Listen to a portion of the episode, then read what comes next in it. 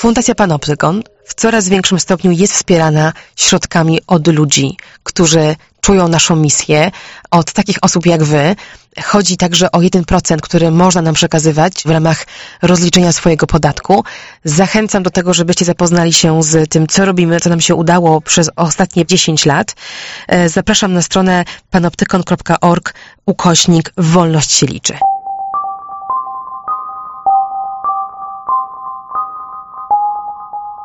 Witam serdecznie przy mikrofonie Katarzyna Szymilewicz.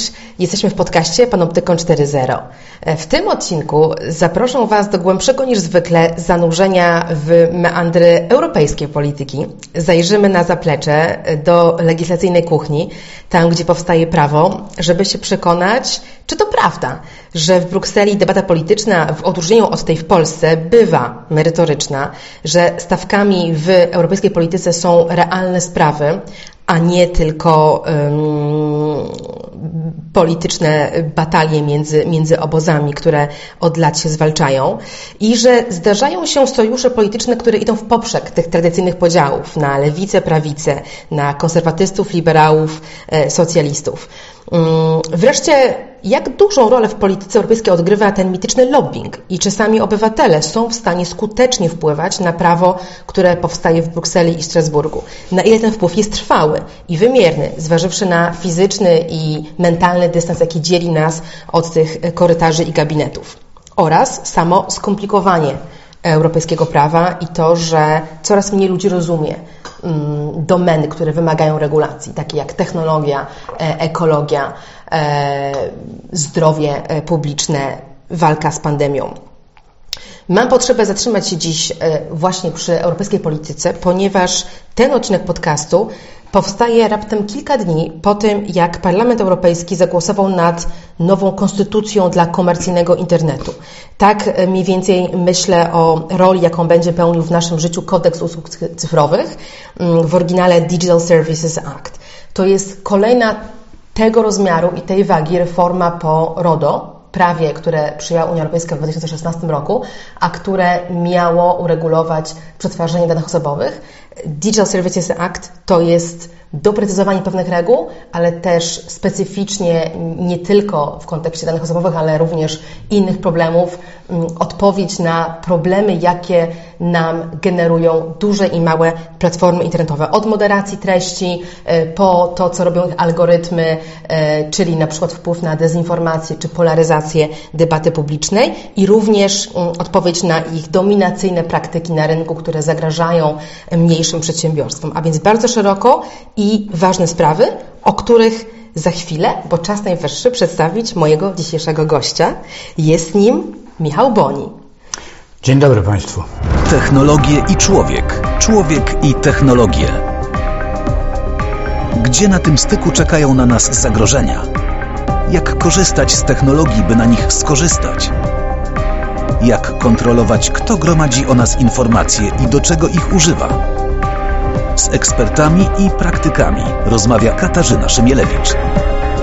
Panoptykon 4.0 Podcast to KFM.pl i Fundacji Panoptykon. O Michale Bonim i jego życiorysie można by przez pół tego podcastu, więc pozwólcie, że wskażę tylko dwie z jego licznych publicznych funkcji, które dla mnie dziś będą miały duże znaczenie. E, między rokiem 2009 i 2013 Michał Boni był ministrem w rządzie Donalda Tuska, między innymi odpowiedzialnym za administrację i cyfryzację i tutaj już zahaczył o pracę nad wspomnianym przeze mnie RODO, które wystartowało e, w 2012 roku jako koncepcja, a następnie był eurodeputowanym ósmej kadencji. To są lata 2014-19. Wtedy prace nad RODO zostały w parlamencie sfinalizowane i w tym właśnie okresie my mieliśmy okazję y, roboczo współpracować, stąd bardzo dobrze wiem, czym Michał Boń się zajmował i jak bliskie były mu, y, myślę, że do dziś są, tamte tematy, stąd jego unikatowa kompetencja do tego, żeby uchylić nam i tej legislacyjnej kuchni i porozmawiać o regulacji internetu, bo ona przecież na RODO się nie zatrzymała, ona się dopiero wtedy otworzyła na współczesne problemy. Więc bardzo dziękuję Ci, że zgodziłeś się dziś porozmawiać. To ja dziękuję za zaproszenie. To jakby zaszczyt, e, tym bardziej, że e, e, Ty, Kasiu, i Pan Optykon są niesłychanie ważnym uczestnikiem, partnerem tych debat europejskich. E, ja pamiętam, jak e, co pewien czas, e, już nawet teraz, jak nie jestem posłem do Parlamentu Europejskiego, przy różnych dyskusjach nad nową legislacją, pojawia się pytanie od kolegów z różnych krajów skierowane do mnie, a panoptykon to co to jest? Tak? Ja wtedy mówię o wadze, znaczeniu panoptykonu tutaj w Polsce dla budowy świadomości praw cyfrowych, obywatelskich praw cyfrowych ale także oczywiście e, e, mówię o aktywności europejskiej, tak? bo ta debata, która wiązała się z przygotowywaniem legislacji o sztucznej inteligencji poprzedzona była konsultacjami i w tych konsultacjach nie było jasne tak na dobrą sprawę, czy takie, taka ocena skutków działania różnych rozwiązań nie ex post, czyli wtedy, kiedy już urządzenia i aplikacje funkcjonują, ale ex ante, zanim one wejdą do użytkowania, e, e, czy ona wejdzie w życie. Bardzo był mocny głos Panoptikonu, e, żeby taką ocenę ex ante przeprowadzać.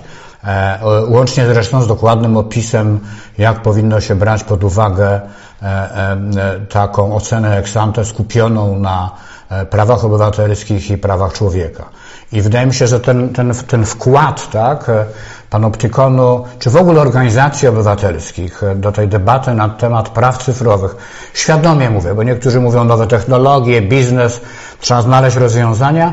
Ta moja perspektywa jest taką perspektywą, tak, biznes się rozwija, gospodarka cyfrowa się rozwija, ale trzeba pamiętać o takiej równowadze pomiędzy tymi e, prawami dla biznesu w tym rozwoju, a prawami użytkownika. Użytkownik jest obywatelem, e, e, użytkownik e, jest konsumentem, tak? tak? I te wszystkie słowo prawa. wypadałoby zmienić, prawda? Bo użytkownik no, brzmi tak, bo to tak, tak, tak, tak, tak, tak, tak, tak. No, dlatego jak się mówi obywatel albo człowiek, tak? Mówiąc o prawach człowieka, to wtedy to, to jest jaśniejsze i moim zdaniem ta dyskusja, która się zaczęła w 2012 roku od wprowadzenia w życie projektu, to Vivian Redding, ówczesna komisarka, zrobiła tej regulacji o ochronie danych osobowych, to trwało 4 lata ta debata nad tym, e, nad tym RODO, bo było rzeczywiście, e, to było nowe, tak? I duże firmy mówiły na początku, nie, to przecież nie da się prowadzić działalności biznesowej, za duże obciążenie, małe firmy mówiły, koszmar, znikniemy, zginiemy.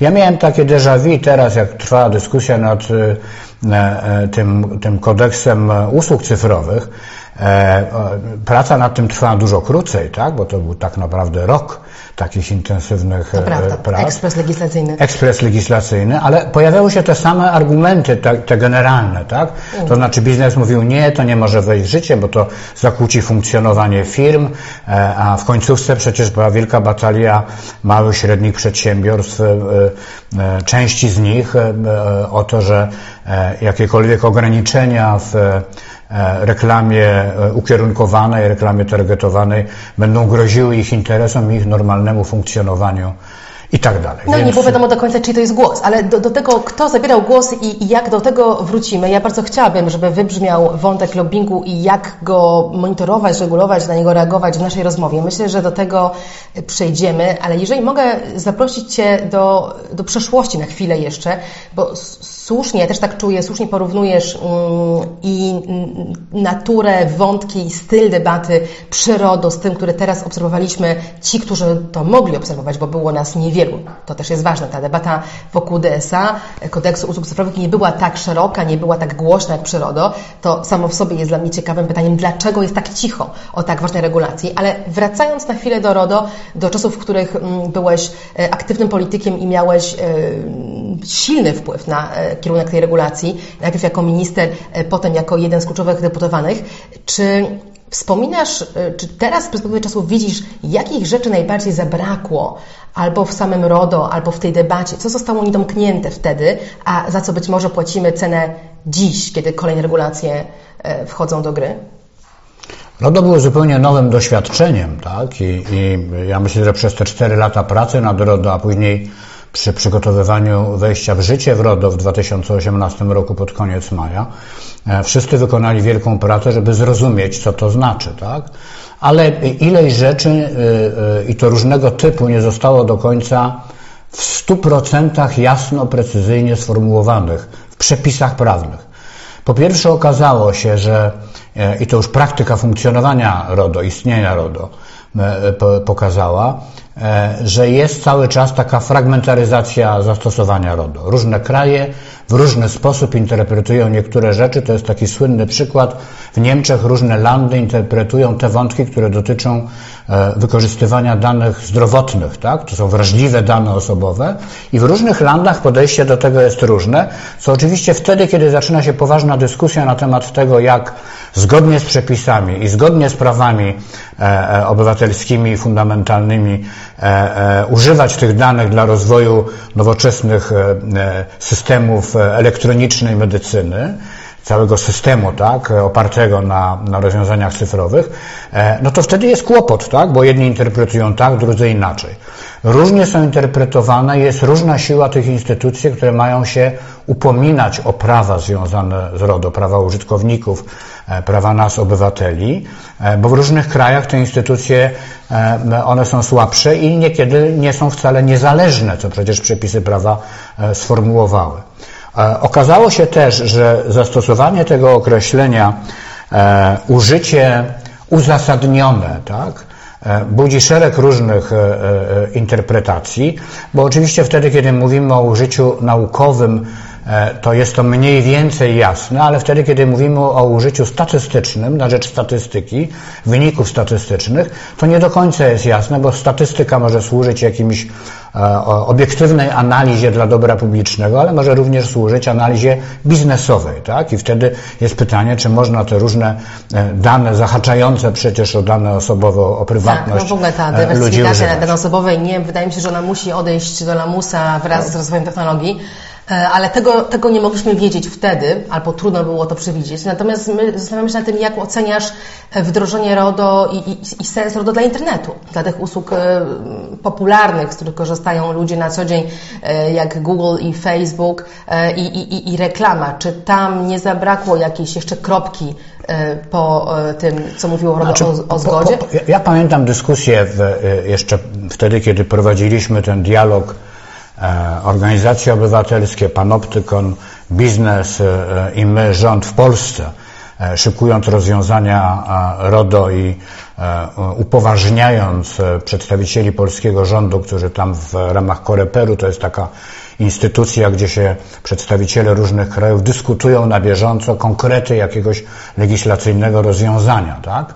E, to, to, to nie ministrowie dyskutują, tak, tylko e, odpowiednio wysocy i ekspercko przygotowani e, przedstawiciele rządów w ramach tej pracy Rady, czyli przedstawicieli rządów. I wtedy pojawiała się taka kwestia, no dobrze, ale jak zrobić, żeby ten, kto korzysta z internetu, z jakiejś usługi, nie był narażony na tasiemcowe informacje, tak, E, e, które i była mowa o tym, a może trzeba stworzyć wymóg, żeby one były skrótowe, były pomysły na to, żeby przed, były przedstawiane w formie graficznej i tak dalej. No skończyło się na tym, co mamy, to znaczy to są tasiemcowe informacje, których prawie nikt nie czyta, tak? I moim zdaniem... Jedna rzecz to, myślę, regulaminy, do których nawiązuję, że są długie, a inna rzecz to te irytujące, wszechobecne pop-upy, które usiłują wymusić na nas udzielenie komuś zgody na coś, czego tak naprawdę wcale nie nie No to jest tak, że jak, że jak otwieram cokolwiek, szukam tak w e, wyszukiwarce e, e, i zaglądam do historii polskiego teatru albo polskiego filmu, albo polskiego radia, co ostatnio akurat robiłem, to i przy okazji, przy różnych stronach, które różne instytucje prowadzą, wychodzi gdzieś, albo wychodzi reklama, albo wychodzi pytanie, które dotyczy tego, czy ja się na coś zgadzam, tak? Na no udostępnienie tych danych trzeciej stronie, bo główna batalia przecież polega polegała przyroda na tym, e, żeby powstała taka relacja pomiędzy no już nazwijmy go, użytkownikiem, a, a jego partnerem biznesowym e, i żeby ta relacja była jasna, jeśli chodzi o wykorzystywanie i przetwarzanie danych. Żeby tu w ogóle pojawiła żeby, się relacja. Żeby się pojawiła relacja, żeby, żeby on się stał klientem, żeby, żeby to było unormowane, ale żeby było jasne, że nie ma takiej wolnej zgody na to, żeby te dane udostępniać trzeciej stronie, tak? Czyli innym biznesom tak, na dobrą bo, bo to, to I to nie zostało wiem, dopilnowane. To jest dość e, klarowne w, w tym naszym wywodzie wspólnym, ale to jest szalenie ważne. To, co powiedziałeś, że te, te tasiemcowe okienka i zgody, one najczęściej dotyczą innych firm. One, one, dotyczą, one dotyczą tego, czy ja się zgadzam na to, żeby moje dane przechodziły dalej do kogoś innego. Tak? Dokładnie tak. tak. I ponieważ one są długie, małymi literkami i tak dalej, to ludzie, e, internet ma, ma to do siebie, że istnieje taka, e, ta, taka, takie zabójcze narzędzie w postaci naszej wygody, tak? I my dla tej wygody robimy różne rzeczy. I pośpiechu. Tracimy świadomość, tak, że mamy jakieś prawa, albo nie jesteśmy tego świadomi. Dla tej wygody i tego pośpiechu, jak powiedziałaś, e, e, zgadzamy się właściwie na wszystko. Tak, zgadzam się, tak? No my I, chcemy załatwić sprawę. Bo chcemy załatwić sprawę. tej stronie. Czyli mówiąc krótko, nie dopilnowano do końca, albo się tego też nie dało zrobić, uczciwie trzeba mówiąc, wtedy z tamtejszą wiedzą, e, żeby ta, e, e, żeby ten kontakt z, z użytkownikiem internetu internetu był na tyle przejrzysty i nie wymagający zachodu ze strony człowieka, który ma kliknąć, ale zarazem, żeby było jasne, że to on jest E, e, e, prymarny, on jest podstawowy, mm. on jest podmiotem. Jego zgoda, tak, nie, nie jakaś taka wykoncypowana, nie, nie, nie, nie, bez podchodów w jego stronę powinna być rzeczą oczywistą. To też jest jakaś tam słabość oczywiście RODO, ale także wprowadzenia RODO, bo jeszcze jedno zdanie o tym wprowadzeniu. Ja pamiętam jak, wydaje mi się, że w Polsce właściwie poza wysiłkiem panoptykonu może trochę e, Ministerstwa Cyfryzacji, ale nie było to na dużą skalę. Nie było jakiejś promocji RODO, tak? E, natomiast oczywiście media w pierwszym dniu po wejściu RODO chwyciły coś takiego, że ktoś dzwoni do szpitala, a, pa, a pani w szpitalu mówi, że nie może mu podać informacji o stanie zdrowia bliskich, bo, e, bo jest RODO, tak? I to RODO stało się taką dymną zasłoną nieudostępniania informacji. Czyli ono też tak na dobrą sprawę, jak patrzymy po latach, nie zostało w pełni dobrze wprowadzone. Skoro dzisiaj, dwa czy trzy tygodnie temu, e, Wojtek Wiewiórowski, który jest tym e, e, no, takim generalnym teraz. inspektorem, tak, czy nadzorcą spraw dotyczących ochrony prywatności, wystosował do Europolu pismo dotyczące tego, jak długo oni składują różne dane i czy ta zasada minimalizacji danych, która jest w regulacji o ochronie danych, czyli używać zbierać dane tylko wtedy, kiedy to jest naprawdę potrzebne i w takiej ilości, jak to jest potrzebne, a nie wszystko, tak? Nie nadmiarowo co jest nagminne dzisiaj i Wojtek Wielorowski pisze, e, e, że no, Europol musi się zdecydować, te dane z różnych krajów, z policji różnych krajów do niego napływają jest taka wielka baza danych, nie do końca przetworzona, ale tam są nasze dane, użytkowników. I e, komisarz Johansson odpowiedzialna za te sprawy mówi, że to jest potrzebne ze względu na bezpieczeństwo, tak? Najstarsza na świecie dyskusja, którą pamiętam od zarania panoptykonu, czyli 13 lat temu, a na pewno ona sięga y, głębiej, czyli wytrych bezpieczeństwo, gromadzenie danych na wszelki, na wszelki wypadek, o którym powiedziałeś teraz na przykładzie Europolu, a wcześniej y, bardzo ważny aspekt, każde prawo da się wdrożyć źle. Jeżeli jest niekompetentny organ wdrażający, czy to będzie szkoła, szpital, czy firma, mała czy duża, jeżeli chce albo nie potrafi, bo to są zwykle dwa scenariusze. W mojej ocenie wdrożenie RODO przez największe firmy było złośliwe. Oni, one specjalnie wdrażały zgodę, e, której oczekiwało od nas zgodnie z RODO w sposób, który nas drażnił, żeby coś tym ugrać. Żebyśmy byli niezadowoleni i mówili, po co to RODO jest. Dokładnie tak, a z kolei szpitale, szkoły, tego typu instytucje w mojej ocenie czegoś jednak nie potrafią, brakuje chyba zarządzania tym sektorem, koordynacji, e, jest takie szukanie papierów na wszystko, gromadzenie papierów na wszystko. E, no tak, ale pamiętajmy, ryzyka. ja się to z Tobą zgadzam w 100%, w 100%, tylko świadomie w Parlamencie Europejskim uznaliśmy, przyjmując e, pod koniec maja 2016 roku, że będzie dwa lata czasu na przygotowanie wdrożenia. Dwa lata, 24 miesiące. Ja mam wrażenie, że z tym w wielu krajach europejskich był, był oczywisty problem. To oczywiście nie chodzi o to, żeby każda legislacja miała tak długi okres wdrożenia, że w gruncie rzeczy warunki funkcjonowania tej legislacji się zmienią i to będzie wszystko nieaktualne. No ale akurat w tamtym przypadku był to długi dosyć okres. Teraz przy, przy tym kodeksie usług cyfrowych e, e, będzie to krótszy okres. Trzy miesiące. No, ba, czyli bardzo krótki, bardzo sprinterski, a niejasności jest tak samo dużo, albo kto Tak. wie, czy nie No właśnie, więcej. bo chciałabym, ja po to po- pokazałam, chciałam zanurzyć na chwilkę w, w, w RODO raz, żeby pokazać e, Twoją rolę wtedy, ale również pokazać te niedokończone sprawy i to, że pewnych spraw nie da się zakończyć, e, nie da się wynegocjować, tak jak powiedziałeś, w pewnych warunkach politycznych. E, A propos tego, co technicznie jest możliwe, to od zarania internetu w zasadzie, odkąd, odkąd ja w ogóle się w tym poruszam, istnieje coś takiego jak sygnał, który wysyła przeglądarka, e, na przykład do not track, czyli nie śledź mnie, który jest banalną technicznie, niezłożoną zupełnie konstrukcją, czyli sygnał 0,1 leci pomiędzy serwerami, które go odczytują bezbłędnie. Tutaj nie ma naprawdę miejsca na e, interpretację i wyłącznie decyzja biznesowa firm, które organizują nam komercyjny internet, jest taka, żeby go ignorować, prawda? Czyli to, to, że te firmy, które organizują nam platformy internetowe, Google, Facebook, ale też media elektroniczne, wydawcy prasy, brną w te okienka zgody, jest ich determinacją do jej pozyskania, a nie koniecznością. No i teraz lądujemy w, w roku 2020, kiedy DSA wraca. Jedno dopełnienie. Bo wytworzył się jeszcze taki, e, i to firmy stworzyły, tak? I te wszystkie, które wymieniłaś, wymieniłaś łącznie z elektronicznymi gazetami. E, e, taka chęć powrotu do tego, żeby temu, który jest użytkownikiem, po raz setny zadać to samo pytanie, Tak. tak? A czy, a czy mogę, Czy pewno? czy mogę trakować Cię geograficznie, czyli czy mogę mieć dane na temat Twojej lokalizacji? Ja przez lata odpowiadam Google'owi, że nie, I że tak nie pyta. ale od lat mniej więcej raz na tydzień dostaję to pytanie. Tak? No, wolnie od tego e, nagabywania, bo tak należałoby nazwać, są wyłącznie użytkownicy e, urządzeń Apple'a, który rok temu, dwa lata temu wprowadził rzeczywiście taką modyfikację tak. po swojej stronie, że nie wolno pytać. Jeżeli użytkownik tego drogiego skądinąd sprzętu mówi raz, nie życzy sobie, to firma Apple stoi na straży, czyli buduje taki e, mur, przez który te No wszystkie tak, to- irytujące sygnały nie przechodzą. No i teraz chodzi o to, żeby uciec, prawda, z silosu bogatych użytkowników i żeby każdemu dać podobny komfort. Tylko problem polega na tym z Applem, że wejście w życie tego drugiego, tej drugiej legislacji, Dig- Digital Market Act, czyli ten kodeks e, ryn, e, rynku cyfrowego, Mhm.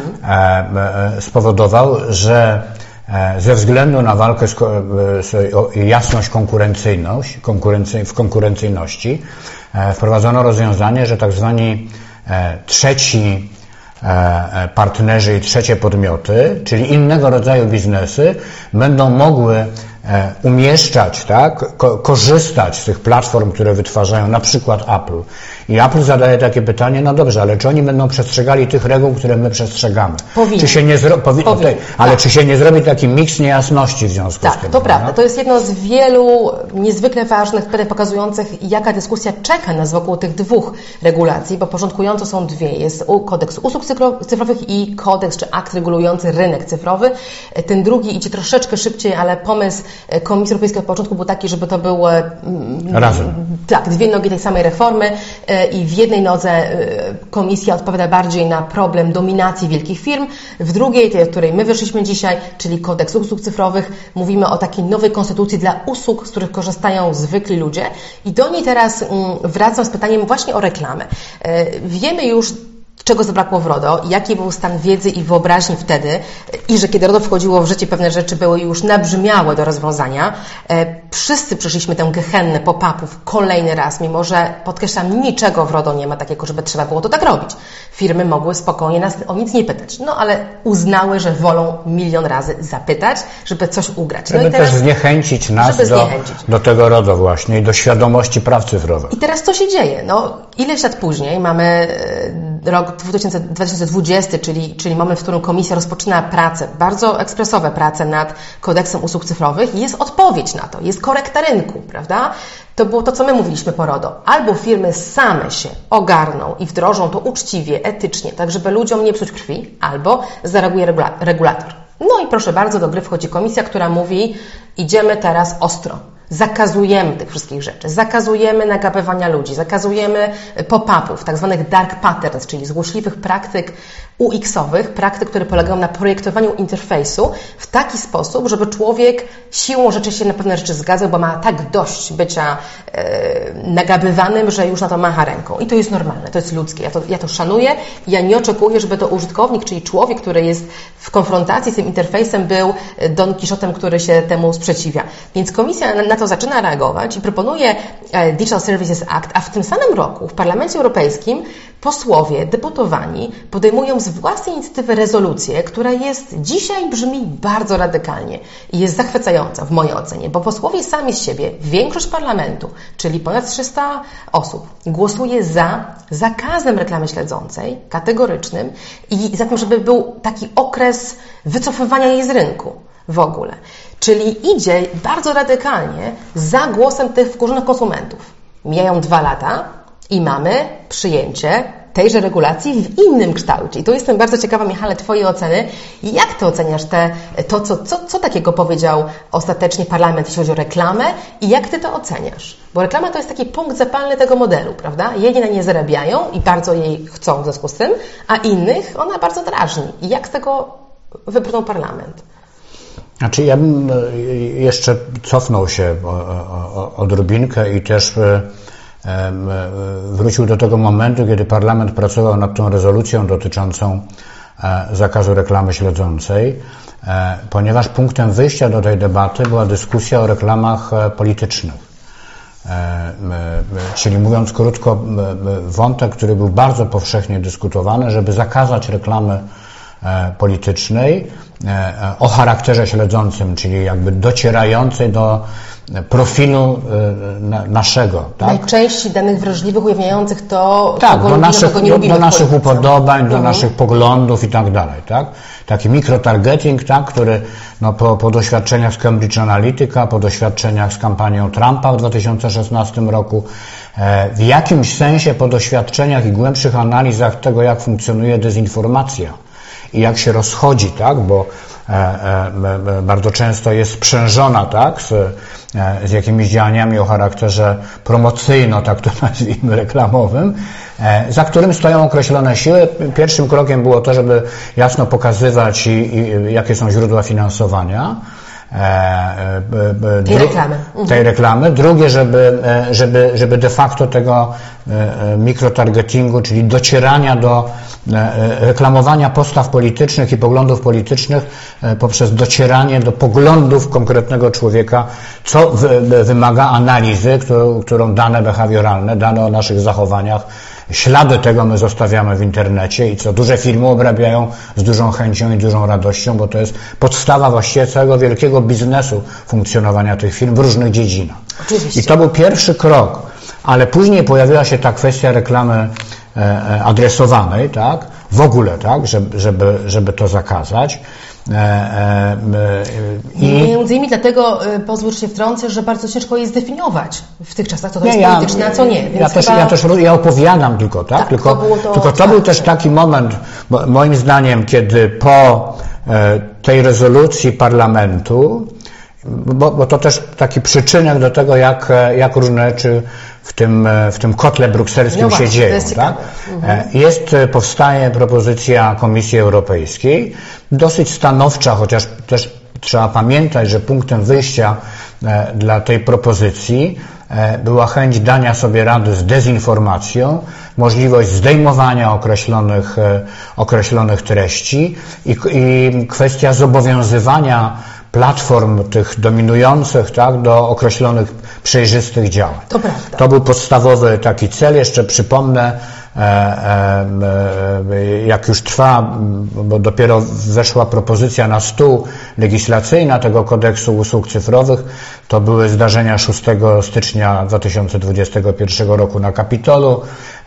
Facebook wtedy zamknął konto, Twitter ograniczył i zamknął konto Trumpowi. Toczyła się wielka dyskusja, czy te duże firmy mogą to robić. Jedną z odpowiedzi było to, że powinny być reguły prawne. Tak, tak powinna być jakaś I, poławcza i przejrzystość takich działań. Tak jest. I to e, jakby trwa dyskusja. Mm, Też mówiło się o tym, że mowa nienawiści powinna być zdejmowana. To wszystko nie są proste rzeczy, dlatego że żeby cokolwiek zdejmować i firmę zobowiązać, tak, moderatora jakiejś platformy, żeby jakieś treści były zdjęte, to musi istnieć uzasadnienie prawne. E, W przypadku mowy nienawiści e, nie wszystko da się zdefiniować tak, jako coś, co nie jest Ona legalne. jest debatowana najczęściej. Nie mówiąc jest- o tym, że też istnieją różne porządki prawne w różnych krajach europejskich. Podobnie z dezinformacją, tak? No bo czy e, e, trwa ta dyskusja dalej, tak? Czy teorie spiskowe związane z, ze szczepionkami e, e, to jest zakłócenie porządku społecznego i naruszenie dobra wspólnego, jakim jest zachęta do tego, żebyśmy byli zdrowi, czy to można prawnie inaczej wywieźć i tak dalej. Ale jednym z elementów, bo na tym się skupiamy, była właśnie ta, ta reklama targetowana i po tym, jak komisja to przedstawiła, po tym, jak e, była ta rezolucja, było trochę ciszy i zastanawiania się i później zaczęły się pojawiać takie głosy, jaki będzie wpływ i to jest też normalne, ja to nie traktuję jako czegoś złego. Różne firmy, także te duże, zaczęły mówić, jak to wpłynie na ich funkcjonowanie, tak? Co ciekawe, odkryłam... Czy to im zaszkodzi, czy nie, czy to ograniczy rozwój biznesu. W którymś momencie uruchomił się taki wątek e, z małymi i średnimi przedsiębiorstwami, to znaczy jaka, jakaś część ich, część w kooperacji z dużymi platformami zaczęła uznawać, że to zakłóci ich biznes. I teraz na czym polegał moim zdaniem ten problem? Ten problem, ten problem polegał na tym, że intencja, takie jest moje zdanie, e, wprowadzenia tych ograniczeń dla tej e, reklamy zaadresowanej była taka, żeby pozwolić na taką reklamę, ale pod pewnymi warunkami. Na przykład zgody użytkownika, tak? No tak, I z pewnymi to zakaz- jest konkretny warunek. Tak, i z pewnymi zakazami, tak? Ale zgoda, tak dotyczyły- jak dlatego wróciłam do RODO i do, do, do, do gehenny pop-upów, żeby pokazać, jak pozornym rozwiązaniem jest zgoda w świecie, w którym interfejs, czyli to, z czym mamy kontakt, zanim dotrzemy do interesujących nas treści, jest kontrolowany przez firmę mającą sprzeczny z naszym interes, prawda? Stąd tak kluczowe w DSA jest to, o czym mówimy dzisiaj, czyli między innymi zakaz tych złośliwych praktyk, bo jeżeli tego nie rozwiązujemy, to zgoda No użytkownika tak, ale jest Kasiu, wejdę Ci w słowo, bo ja się zgadzam, zakaz złośliwych praktyk, tak? Tylko moim zdaniem część środowisk biznesowych, i to nie jest ich usprawiedliwienie, tylko nakreślmy sobie ten obraz, część firm biznesowych, szczególnie tych małych, które dla których w okresie COVID-u jedy, jedną z szans, ważną bardzo szansą rozwoju było utrzymywanie kontaktu z klientami, ich zgoda na różne rzeczy, to e, one uznały bez głębszej świadomości ani tych praw e, cyfrowych e, użytkowników, ani tego, jak ten mechanizm pośrednio wygląda, to znaczy, że jest ta sfera pośrednia w postaci tego interfejsu i tych dużych firm, które de facto tym manipulują. E, Nie wiedząc tego, one uznały, że ten całkowity zakaz e, e, reklamy będzie dla nich negatywny. To, była, to był punkt wyjściowy ich postawy. Dopiero w trakcie tej debaty, w ostatnich miesiącach, też dzięki moim zdaniem w- poprawkom, też dzięki pracy Komisji LIBE, tak?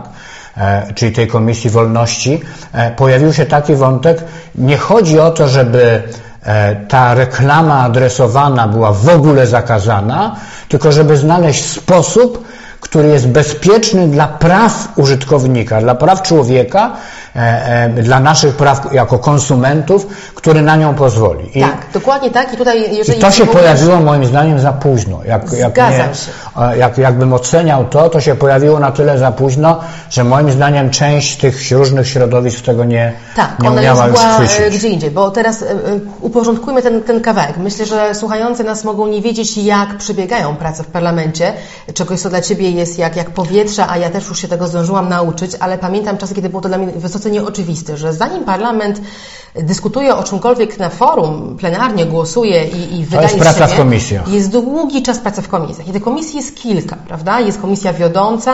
W przypadku kodeksu praw cyfrowych, o którym mówimy, to była komisja IMCO, czyli odpowiedzialna za handel elektroniczny, prawa konsumentów, ale towarzyszą jej prace Różne innych inne komisji, komisje. które komentują. Także prawda? praw obywatelskich, Dokładnie. wolności I każdy i tak z dalej. nich są wiodący posłowie. Tak.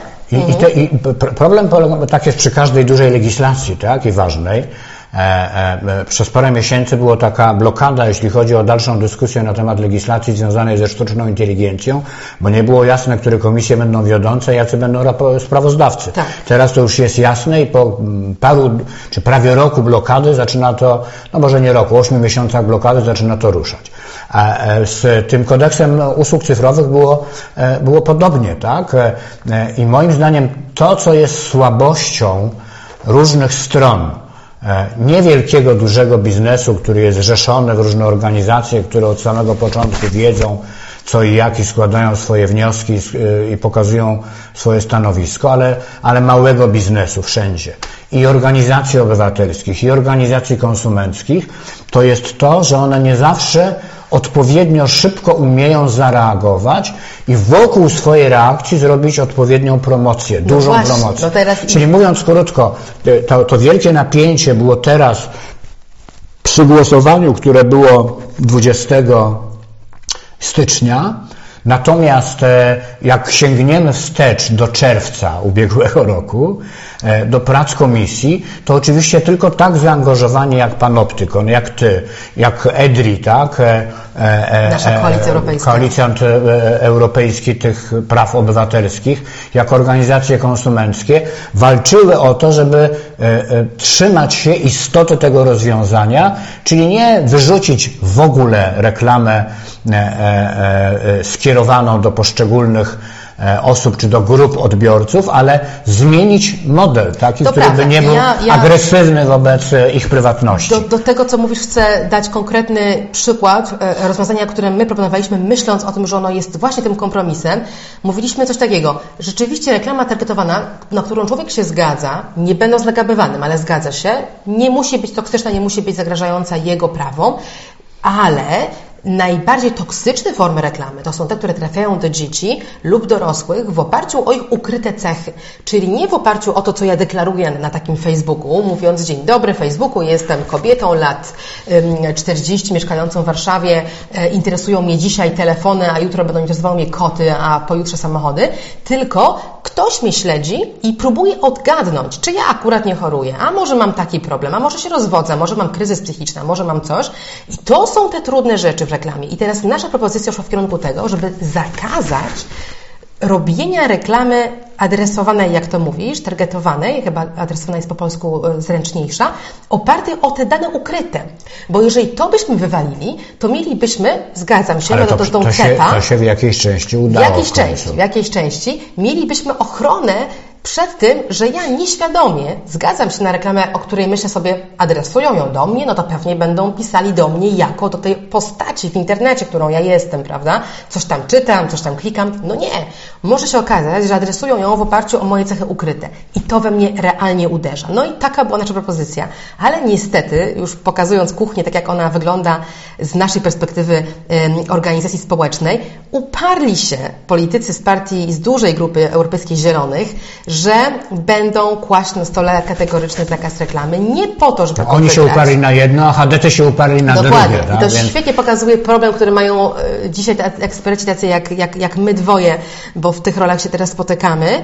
E, my widzimy kompromis. Dla nas on nie jest trudny, prawda? Tak, my rozumiemy, oczywisty on... i potrzebny. Tak? Dokładnie. Tak? Natomiast politycy również w Europie mają swoje interesy, mają swoich słuchaczy i długo było, tak jak powiedziałeś, długo było tak, że w mediach w parlamencie plenarnie nie dało się rozmawiać o tej trzeciej drodze kompetentnie i głęboko, bo każda z frakcji była okopana na swojej flance radykalnej, którą sprzedawała, już mówiąc brutalnie, swoim Albo zakaz, albo żaden zakaz. Dokładnie. Prawda? I w efekcie dopiero po sam koniec tego długaśnego procesu, kiedy już nie było czasu na wyrafinowane dyskusje i rozwiązania, mogliśmy położyć na stole kompromis. Więc wylądowaliśmy w czymś takim, um, znowu, no, tak jak w RODO, prawda? Ten kompromis jest niezgrabny, jest słodko gorzki dla mnie, bo jest zakaz wykorzystywania danych wrażliwych ludzi, również zaobserwowanych. A więc teoretycznie reklama, e, nawet z moją zgodą, nie będzie mogła pastwić się nad faktem, że jestem chora, e, albo że mam jakiś kryzys psychiczny, albo że um, na przykład jakaś partia jest mi bliska, a jakaś na daleka, bo to są dane wrażliwe, ale nad każdą inną sferą mojego życia już tak. E, I no i, to, to, i, I tu powstaje taka luka, tak? dlatego że istota problemu przy tej reklamie, reklamie adresowanej i wykorzystaniu tych, e, tych e, danych ukrytych polega na analizie naszych zachowań, tak? Tak. Na analizie behawioralnej, co w ogóle jest, e, jest podstawą, no jak się, jak się czyta historię Google'a, co zresztą bardzo świetnie Zubow opisała w swojej książce o, o, o inwigilacyjnym kapitalizmie. Te analizy z momentu, z, w którym Google był prawie przed załamaniem i zejściem z rynku, tak? E, I, I, ktoś padł na pomysł, że przecież przy okazji my zbieramy ślady różnych danych i informacji, których w ogóle nikt nie analizuje. I b, b, e, zrobiono taki model, żeby te dane analizować, i okazało się, że one rzeczywiście pasują do modelu reklamowego, dlatego że przenoszą taki e, bezcelowy w jakimś sensie, w sensie nie zaadresowany do konkretnych osób, z ich poglądami, pomysłami, wyobrażeniami, oczekiwaniami, e, e, te, te reklama, wcześniejsza taka była, zaczynają adresować do konkretnych e, Odkryto ludzkich złoto, upodobań, tak? co, co, podwaja, co podwaja w ogóle biznesowy efekt. Tak? W pierwszym roku tego, te, ten, ten efekt polegał na mniej więcej 120 milionach dolarów zysku z tego działania. E, reklamowego, a mniej więcej po dwóch, trzech latach to były 3-4 miliardy, tak? No właśnie. Więc, więc to, to zostaje dalej, tak? Ten, ten, ten, e, I moim zdaniem e, zadaję głośno teraz takie pytanie. E, e prawnie jest uzasadnione i być może na dzisiaj najlepsze z możliwych określenie, żeby nie wolno było używać tych danych wrażliwych, tak? Ale wracamy do tego, co jest w RODO i wracamy do, do definicji tego, co, i, i, to są te braki, tak, które tak. czas pokazuje, do definicji tego, co to są dane Dokładnie. wrażliwe. Mhm. Bo w, w, oczywisty sposób dla nas wszystkich e, dane o naszych chorobach, dane o naszych poglądach, dane o naszych przekonaniach religijnych, o seksualności, o seksualności to są dane wrażliwe, tak? Ale zadajmy sobie takie pytanie, czy, czy te ślady danych, które zostawiamy klikając, szukając e, jakiejś rzeczy w internecie, e, e, czy one nie tworzą takiego profilu naszego, takiego behawioralnego, zachowaniowego, który także powinien być chroniony. Tak? I, i, I w tym sensie reklama kontekstualna, która też się w tej dyskusji o kodeksie usług cyfrowych pokazała, bo ona generalizuje, tak? Ona bierze pod uwagę jakieś cechy wspólne jakiejś zbiorowości, tak? I jakiś cel, który chcemy osiągnąć, adresując jakiś przekaz, dzięki któremu reklamowy, promocyjny, dzięki któremu chcemy zebrać pieniądze od ludzi, żeby dali na jakąś akcję charytatywną, tak? Bo też miejmy taką świadomość, reklama dzisiaj, promocja dzisiaj to nie jest tylko w internecie, to nie jest tylko biznes, e, komercja, to są także działania filantropijne, tak? Oczywiście, Skądinąd potrzebne, prawda? I, i moim I zdaniem one wcale... które też są potrzebne. No tak, ale one wcale, one wcale nie potrzebują tej analizy indywidualnego behawioru, tak? wzorca zachowaniowego. One mogą zbierać jakieś dane grupowe, tak? Gdzie jesteśmy anonimowi, tak? No, no to mając jest model, lat, który Google proponuje dzisiaj, kładąc na stole kohorty, grupy użytkowników. No tak, to dzisiaj, tym... ale to też jest, zobacz, to jest też efekt tego, że był taki duży spór, tak? Jednak tak, w tej tak, sprawie. Tak, Ja akurat ten model przyglądam mu się uważnie, polecam tym, których to interesuje, odsłuchanie odcinka podcastu z Marcinem Olendrem z Google, którym, w którym głęboko tłumaczymy, na czym to ma polegać i jakie są kontrowersje. Cały czas jest poszukiwanie tego świętego grala, czyli czegoś, co by pogodziło sens adresowanej reklamy, czyli to, że ona nie idzie na ślepo, bo to jest kompletnie bez sensu, wrzucanie nie, nie, no to, to już dzisiaj wszyscy wiedzą. Na zasadzie loterii, prawda? Z ochroną ważnych naszych interesów i praw. Ja też myślę, że to kontekst, połączenie kontekstu i wiedzy o grupach ludzi, którą ty teraz z naszą zgodą, tak? Bo... Tak, jest być może tym rozwiązaniem. No właśnie, więc coś takiego mamy w, w, w DSA. No, no. Ja bym już teraz zostawiła to, co jest w DSA, ponieważ nie chciałabym, żeby umknęło um, słuchającym nas um, bardzo ważna okoliczność umknęła taka, że to nie jest gotowe. To jeszcze może powiedzmy, jak to będzie dalej wyglądało, yy, uchylając znowu tej kuchni legislacyjnej. Mamy Dwa lata dyskusji. E, pod koniec e, teraz roku finał w parlamencie prac sformalizowany głosowaniem styczniowym, ale to nie jest koniec, prawda? Teraz czekają nas negocjacje. Kto negocjuje i co negocjuje i co może z tego wyjść? No negocjuje, jak to zwykle bywa w parlamencie, wtedy kiedy jest już punkt wyjściowy, czyli propozycja Komisji Europejskiej, kiedy jest stanowisko do tego punktu wyjściowego e, Rady, e, e, czyli przedstawicieli państw członkowskich i stanowisko parlamentu, zaczyna się trilog, czyli w tym trójstronnym układzie negocjacje, negocjacje na, związane z tym rynkiem cyfrowym już się zaczęły. Pierwsze spotkanie negocjacyjne dotyczące tego kodeksu usług cyfrowych będzie 31 stycznia, czyli, czyli już za chwilę. Mhm. I ponieważ te dwie rzeczy są bardzo ważne dla prezydencji francuskiej, która 1 stycznia się zaczęła, e, i Francuzi byli bardzo mocno nastawieni na ograniczenie zagrożeń, jakie dla e, rynku cyfrowego w Unii Europejskiej tworzą e, dominujący wielcy partnerzy zagranicznych, głównie amerykańskich firm. E, I myślę, że w związku z tym prawdopodobnie ten Digital Market Act, on, on przejdzie, tak?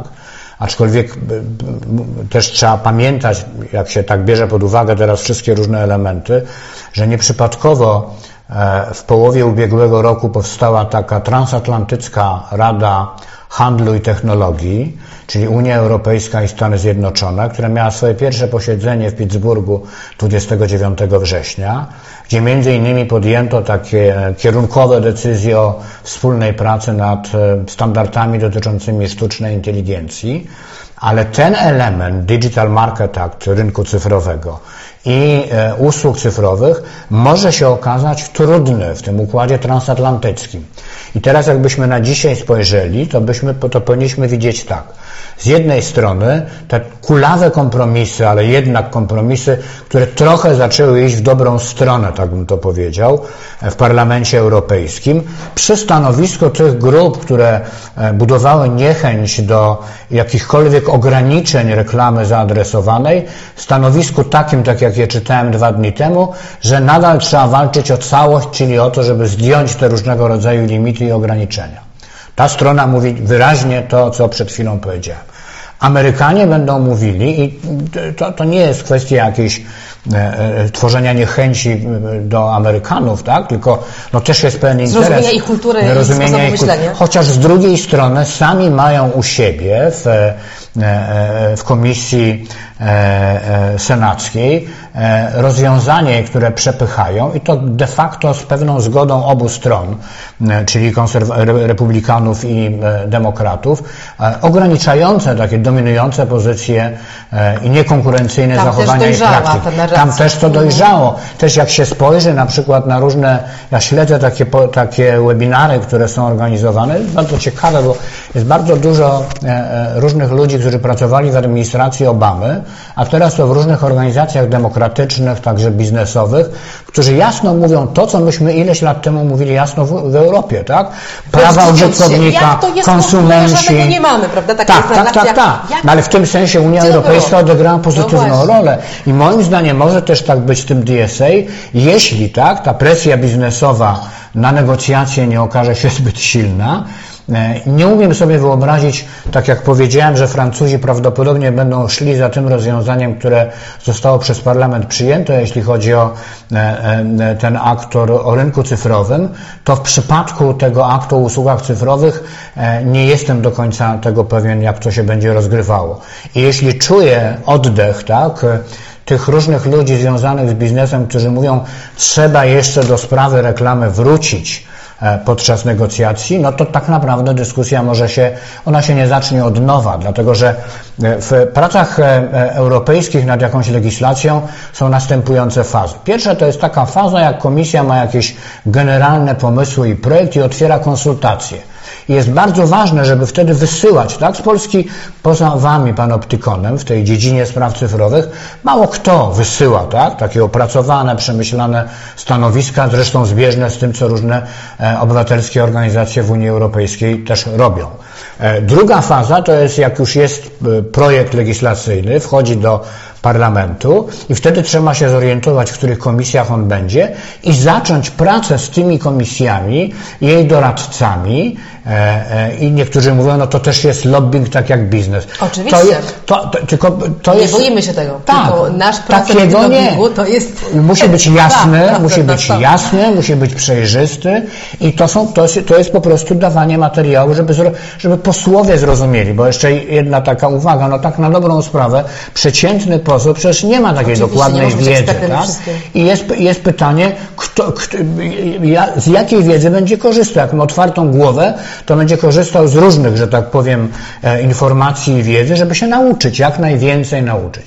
Później jest ta faza przyjmowania rozwiązania w e, komisji i moim zdaniem ona jest decydująca. Jak się uda w tej fazie pracy w komisji do czegoś pozytywnego, tak, dla na przykład ochrony, pra, ochrony praw fundamentalnych dojść, to, to, to jest olbrzymia szansa, e, że to już później przejdzie w debacie e, plenarnej. Później są te e, dwa miesiące, tak, po głosowaniach w komisjach, czy trzy, to, to zależnie od konkretnego rozwiązania, kiedy się pracuje nad tym ostatecznym rozwiązaniem pod głosowanie w całym parlamencie, a później jest kolejna, ostatnia już faza, czyli te negocjacje.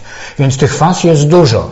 E, e, Tak bym powiedział, że ta pierwsza jest najbardziej otwarta, konsultacje, druga wymaga umiejętnego zabiegania u posłów i w komisjach, trzecia to wy- wymaga dużego, mocnego głosu publicznego, żeby to dotarło tak, do wszystkich, którzy tego słuchają i w tym sensie ja uważam, że przy e, tym kodeksie usług cyfrowych ten głos kompromisowy się pojawił trochę za późno, był mocny, wyraźny, ale zdecydowanie za późno, żeby zdobyć tę większość, na której nam e, e, zależało. Najmniejsze szanse dokonywania zmiany są teraz w tej fazie negocjacji. No właśnie, no chyba, że ma się takie działa i tego się trochę obawiam, jak te największe firmy, bo wracając na koniec naszej rozmowy do wątku lobbingu, który się przywija, my rzeczywiście jako organizacje społeczne nosimy również czapkę lobbystów, jesteśmy ujawnieni w rejestrze przejrzystości właśnie jako lobbyści i tej etykiety się nie obawiamy, bo to jest etykieta, która mówi po prostu o tym, że my próbujemy wpływać na proces legislacyjny, co jest dokładnie naszą pracą i naszą misją,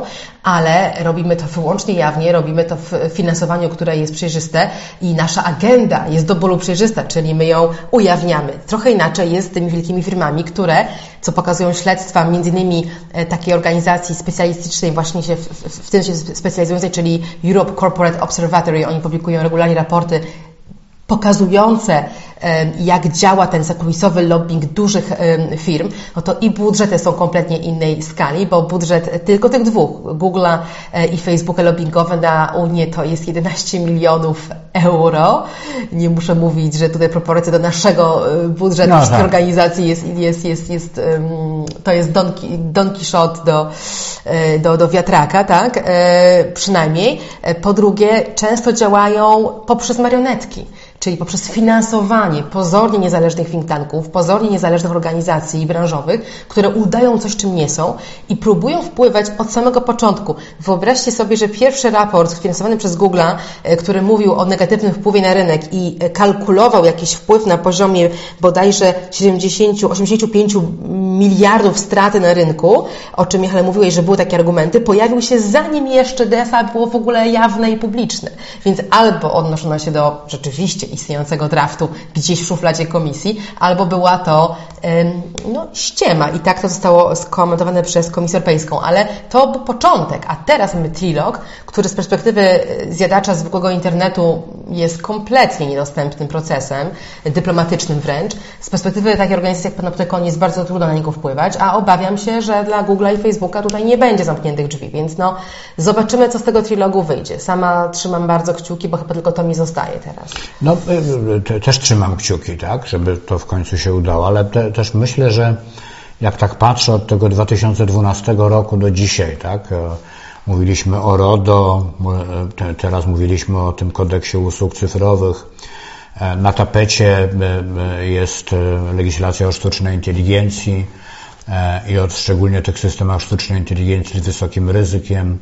To też będzie wzbudzało przecież kontrowersje. Kolejna ogromna To, co mnie najbardziej martwi, to to, że ja nie mam wrażenia, że w perspektywie tej oferty legislacyjnej, jaką przedstawia Komisja Europejska, że to jest koherentne i spójne. To znaczy, e, e, nie mówię o e, spójnym spójnej analizie wpływu na rynek, tylko mówię o spójnym zastosowaniu i podejściu do praw fundamentalnych. O wartościach. O wartościach. To, to uważam, że w jednym jest więcej, w drugim mniej. To nie jest koherentne, tak? I, i tak samo jak te odniesienia do, do RODO nie są koherentne i moim zdaniem nad tym warto też popracować przy tych kolejnych legislacjach, które się pojawią. Drugie, no to też tak na dobrą sprawę w stosunku do tego, co myśleliśmy, wiedzieliśmy, co firmy nam mówiły, że RODO się nie da w ogóle wdrożyć i że wszystko zniknie, internet Kto to się pamięta, prawda? Brzmi jak. E, że, że, że, że robimy olbrzymie kroki do przodu, tak? E, RODO zostało przyjęte i e, nie wiem, rok po przyjęciu, wejściu w życie RODO, albo nawet wcześniej, Japonia jako kraj, ale z inicjatywy tamtejszych organizacji biznesowych wystąpiła do Unii Europejskiej z propozycją zawarcia porozumienia w sprawie przepływu danych. Żeby wziąć pod uwagę te elementy RODO, dlatego, że oni chcą robić biznes z Europą, a szanują prawo, które w Europie powstało, tak? Więc jest takie, my, my, tworzymy, Unia Europejska tworzy pewne normy, tak? Jest liderem Ro, RODO stworzyło te normy. Myślę, że, że ten DMA i DSA, czyli ten akt e, o rynku cyfrowym i o usługach cyfrowych, też stworzą coś takiego. Na pewno powinna sztuczna inteligencja e, tworzyć takie, taki realny, mocny, ważny punkt punkt odniesienia dla tego, co się w świecie cyfrowym dzieje na całym świecie. Natomiast, e, e, ponieważ mówię o tym, że to jest taki pozytywny proces, e, uczenia się wszystkich, tak, to też mam taką pozytywną nadzieję, że z czasem dojdziemy do tego, żeby te wszystkie rzeczy, o których mówimy, czyli pełna równowaga między rozwojem biznesowym, rozwojem innowacyjności, a prawami fundamentalnymi naszymi, żeby ona była budowana.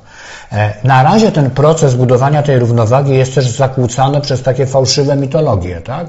Fałszywą mitologią jest mówienie, że w imię bezpieczeństwa musimy ograniczać prawa fundamentalne. Fałszywą mitologią jest to, że w imię wygody naszej w świecie cyfrowych nie, nie, nie, nie powinno się stosować tych różnych e, form związanych z wyrażaniem przez nas zgody i braniem pod uwagę naszej postawy. Tak? I tak mhm. dalej. E, e, ta, takim, e, takim, taką mitologią fałszywą jest też także mówienie, że te różne rozwiązania będą obciążały, szczególnie mały biznes, bo to jest takie ładne określenie.